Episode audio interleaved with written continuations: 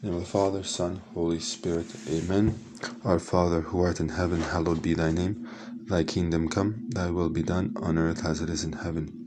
Give us this day our daily bread, and forgive us our debts as we forgive our debtors. And lead us not in temptation, but deliver us from evil. Amen.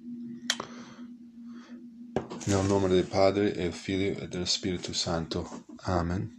Padre nostro, qui esi nei cieli, sia santificato il tuo nome Venga il tuo regno, sia fatta la tua volontà come in cielo così in terra.